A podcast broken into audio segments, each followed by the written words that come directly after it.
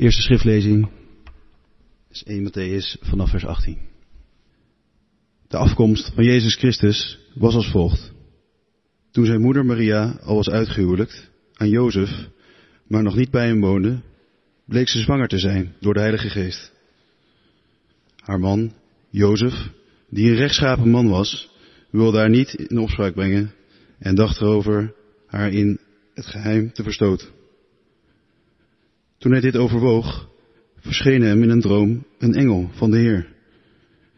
De engel zei, Jozef, zoon van David, wees niet bang je vrouw Maria bij je te nemen, want het kind dat ze draagt is verwekt door de Heilige Geest. Ze zal een zoon baren. Geef hem de naam Jezus, want hij zal zijn volk bevrijden van hun zonde. Dit alles is gebeurd opdat in vervulling zou gaan wat bij monden van de profeet door de Heer is gezegd. De maagd zal zwanger zijn en een zoon baren. En men zal hem de naam Emmanuel geven. Wat in onze taal betekent God met ons. Jozef werd wakker en deed wat de engel van de Heer hem had opgedragen. Hij nam haar bij zich als zijn vrouw. Maar hij had geen gemeenschap met haar voordat ze haar zoon gebaard had. En hij gaf hem de naam Jezus. Tweede schriftlezing is Lucas 2 vanaf vers 1. In die tijd kondigde keizer Augustus een decreet af dat alle inwoners van het Rijk zich moesten laten inschrijven. Deze eerste volkstelling vond plaats tijdens het bewind van Quirinius over Syrië. Iedereen ging op weg om zich te laten inschrijven. Ieder naar de plaats waar hij vandaan kwam. Jozef ging van de stad Nazareth in Galilea naar Judea, naar de stad van David die Bethlehem heet, aangezien hij van David afstamde, om zich te laten inschrijven samen met Maria, zijn aanstaande vrouw die zwanger was. Terwijl ze daar waren, brak de dag van haar bevalling aan. En ze bracht een zoon ter wereld, haar eerstgeborene. Ze wikkelde hem in een doek en legde hem in een voederbak, omdat er voor hen geen plaats was in het nachtverblijf van de stad. Niet ver daarvan brachten herders de nacht door in het veld. Ze hielden de wacht bij een kudde. Opeens stond er een engel van de Heer bij hen en werden ze omgeven door het stralende licht van de Heer, zodat ze hevig schrokken. De engel zei tegen hen, wees niet bang, want ik kom jullie goed nieuws brengen dat het hele volk het grote vreugde zal verhullen. Vandaag is in de stad van David jullie redder geboren. Hij is de Messias, de Heer. Dit zal voor jullie een teken zijn. Jullie zullen een pasgeboren kind vinden dat in een doek gewikkeld in een voederbak ligt. En plotseling voegde zich bij de engel een groot hemels leger dat God prees met de woorden, eer aan God in de hoogste hemel en vrede op aarde voor alle mensen die hij lief heeft. Toen de engelen waren teruggegaan naar de hemel, zeiden de herders tegen elkaar, laten we naar Bethlehem gaan, om met de eigen ogen te zien wat er gebeurd is en wat de Heer ons bekend heeft gemaakt. Ze gingen meteen op weg en troffen Maria aan en Jozef en het kind dat in de voederbukken lag. Toen ze het kind zagen, vertelden ze wat, wat hun over het kind was gezegd. Dit is het woord van God.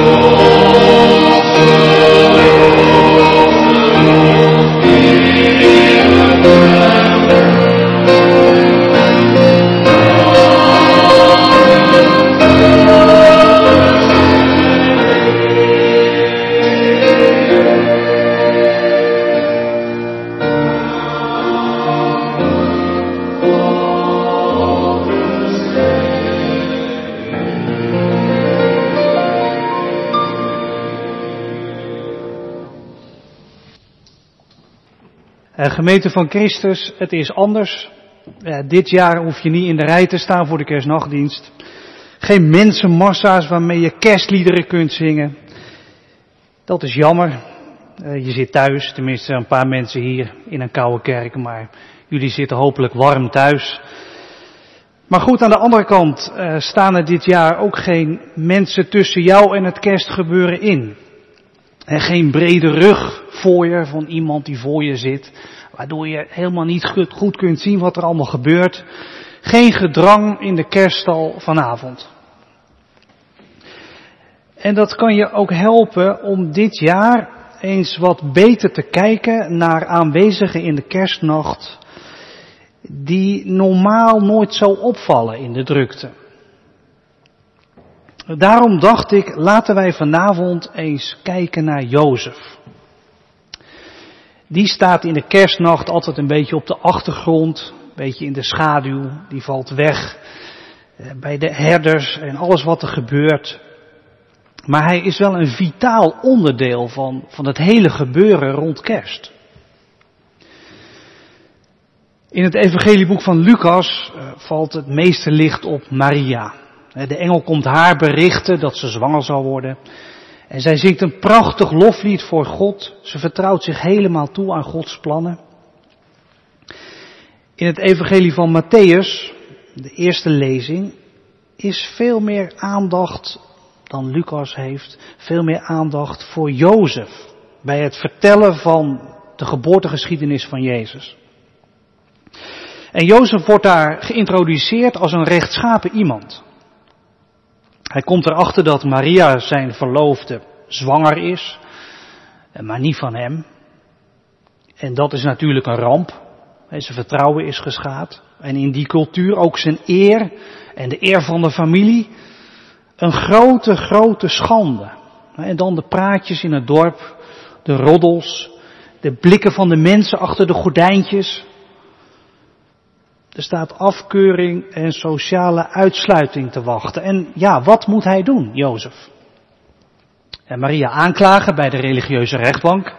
En opkomen voor zijn eer en zijn imago. Ja, als hij dat doet, dan zal het vonnis voor Maria vernietigend zijn. Vrouwen hadden in die maatschappij sowieso al heel weinig rechten en weinig mogelijkheden. Maar Jozef zit dus een andere kant op te denken. Hij denkt, misschien moet ik haar in het geheim verlaten. Afstand nemen, van het toneel verdwijnen. Dan zullen de mensen waarschijnlijk denken dat Maria wel zwanger is van hem, maar dat hij haar heeft laten zitten. Dat is veel positiever voor Maria. En zo was Jozef aan het piekeren. Hij lag de halve nacht wakker natuurlijk, maar goed, hij was toch in slaap gevallen. En in zijn slaap krijgt hij een droom waarin er een engel komt van de Heer, een boodschapper van God, die hem onderbreekt in zijn gepieker. En God reikt Jozef een, een perspectief aan op wat er is gebeurd dat hij zelf nooit bedacht zou hebben. Een ongelooflijk perspectief. Eigenlijk ook wel een ongeloofwaardig perspectief. Die boodschapper van God die zegt dat Maria's zwangerschap niets te maken heeft met ontrouw, met mensen, maar dat het te maken heeft met God, Gods geest, Gods invloed. En Jozef die gelooft dat blijkbaar, of in elk geval neemt hij het serieus. En hij doet wat de engel zegt en neemt Maria bij zich. En dan blijkt Jozef in die hele geschiedenis van kerst iemand te zijn die op de achtergrond doet wat hij moet doen. Zonder de dingen die Jozef deed was het nooit goed gekomen.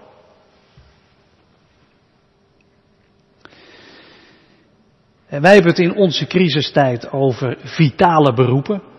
De zorg, hulpdiensten, vuilnisophaaldienst, beroepen in de voedselketen, schoonmakers, noem maar op. Allemaal mensen die, die vaak nogal op de achtergrond hun werk doen. Niet zo in de schijnwerpers. Maar van hen allemaal geldt dat als zij hun werk niet zouden doen, dan zou het echt mislopen. Dan zou de hele maatschappij in de soep lopen. Vitale beroepen. Nou, Jozef is in die zin ook vitaal. Wat hij doet is niet zo zichtbaar op de achtergrond, maar hij is een vitaal persoon in de kerstgeschiedenis. Hij doet wat hij moet doen, zodat het niet misloopt. Wat hij allemaal doet, hij neemt Maria bij zich en biedt haar bescherming, zodat haar zoon in veiligheid geboren kan worden. En als het kind geboren wordt, geeft Jozef het de naam Jezus en met die naamgeving adopteert hij Jezus voor de wet. En bij de volkstelling die in dat boek van Lucas wordt verteld, doet Jozef ook wat hij moet doen. Hij neemt Maria onder zijn hoede en samen reizen ze naar Bethlehem. Hij zorgt voor onderdak, zodat Maria kan bevallen van Jezus op een veilig plekje. En na de geboorte vertelt Matthäus ook nog in zijn boek dat Herodes, de koning van die streek, Jezus uit de weg wil ruimen. En, en Jozef doet wat hij moet doen. Hij vlucht met Maria naar Egypte en later keert hij weer terug. En, en dan verdwijnt hij uit, uit beeld in de Bijbelboeken. Hij was iemand op de achtergrond, maar hij had een vitale bijdrage.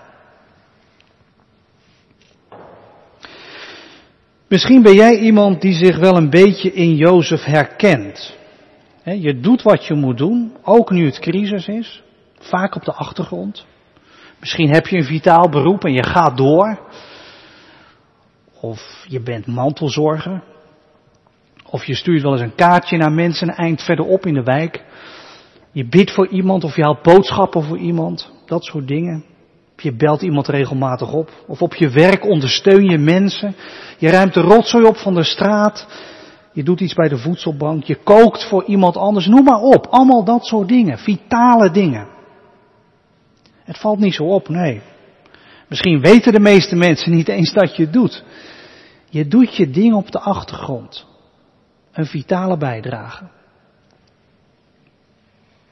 Maar dat valt niet altijd mee natuurlijk.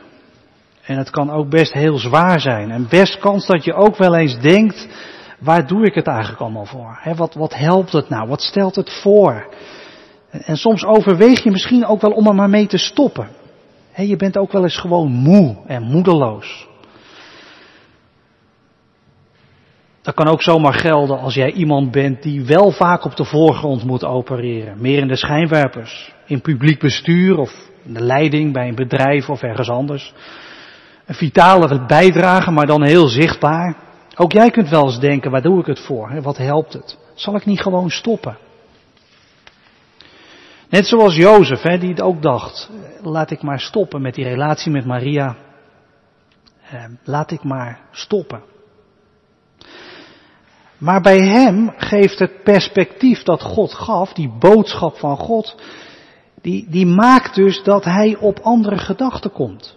Die maakt dat hij toch doorgaat en zijn vitale bijdrage gaat leveren. Wat zegt God eigenlijk precies tegen Jozef?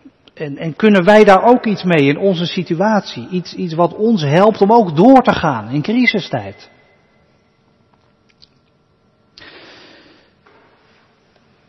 God zegt dus dat die zwangerschap van Maria met, met de invloed van God te maken heeft en met zijn plan. En God zet Jozef aan om te doen wat hij moet doen, omdat God zelf ook doet wat hij moet doen. God laat dit kind geboren worden en het moet dus Jezus heten. God de Heer redt. Dat betekent het. Omdat God in Jezus bevrijding kon brengen. Dat is de boodschap van God. Bevrijding van zonde, zegt die engel tegen Jozef. Dat viel mij nog wel op eigenlijk. Bevrijding, ja, dat is natuurlijk wel mooi. Maar van zonde. Wat moest Jozef daarmee en wat moeten wij daar eigenlijk mee? Kijk, als God nou had gezegd, Jezus zal bevrijding brengen van onderdrukkers. Ja, daar had Jozef wat aan gehad. De Romeinen in zijn dagen die de boel bezet hielden. Of als die, als die engel van God had gezegd, Jezus brengt bevrijding van het geroddel van de mensen, van de afkeuring die ze moesten ondergaan. Of bevrijding van financiële problemen, van financiële onzekerheid. Of bevrijding van een crisis, bevrijding van de coronacrisis. Dat zou allemaal geweldig bemoedigend zijn natuurlijk, als, als dat het woord van God was geweest. Maar bevrijding van zonde.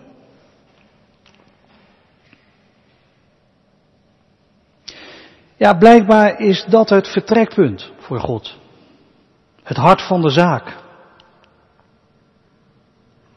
En ja, veel dingen die misgaan in onze levens en in onze wereld, die hebben ook wel te maken met wat wij mensen doen aan foute keuzes, aan foute acties.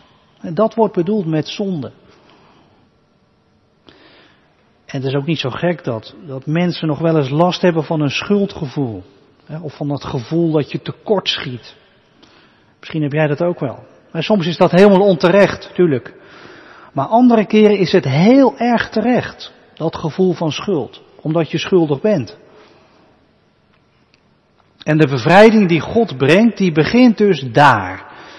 Binnen in jou en mij. Bij je intenties, bij je keuzes. Bij je schuld en je schuldgevoel. Bij de keer dat je echt tekortgeschoten bent. In Jezus stapt God vandaag naar jou toe en redt jou van falen, van foute daden, van wat scheef zit. Weet je, dat is zijn vitale bijdrage aan jouw leven. God zegt vanavond tegen jou, leg nou maar bij mij neer waarmee je de mist in ging.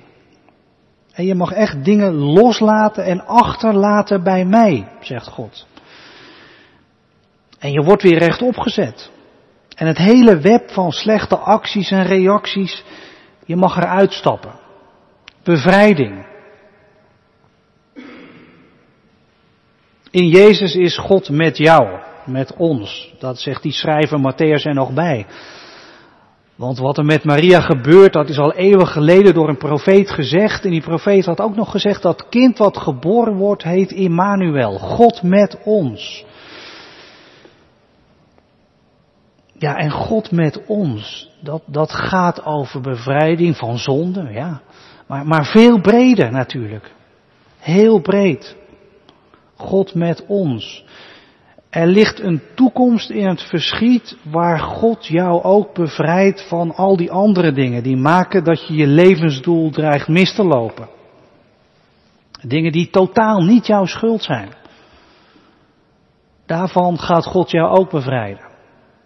Van al het donker, van al het kwaad, van alle crisis, van de coronacrisis. God is reddend bij ons. En dat was de boodschap die maakte dat Jozef toch ging doen wat hij moest doen. Dat hij volhield. En vandaag is die boodschap voor jou en voor mij ook de reden om toch verder te gaan.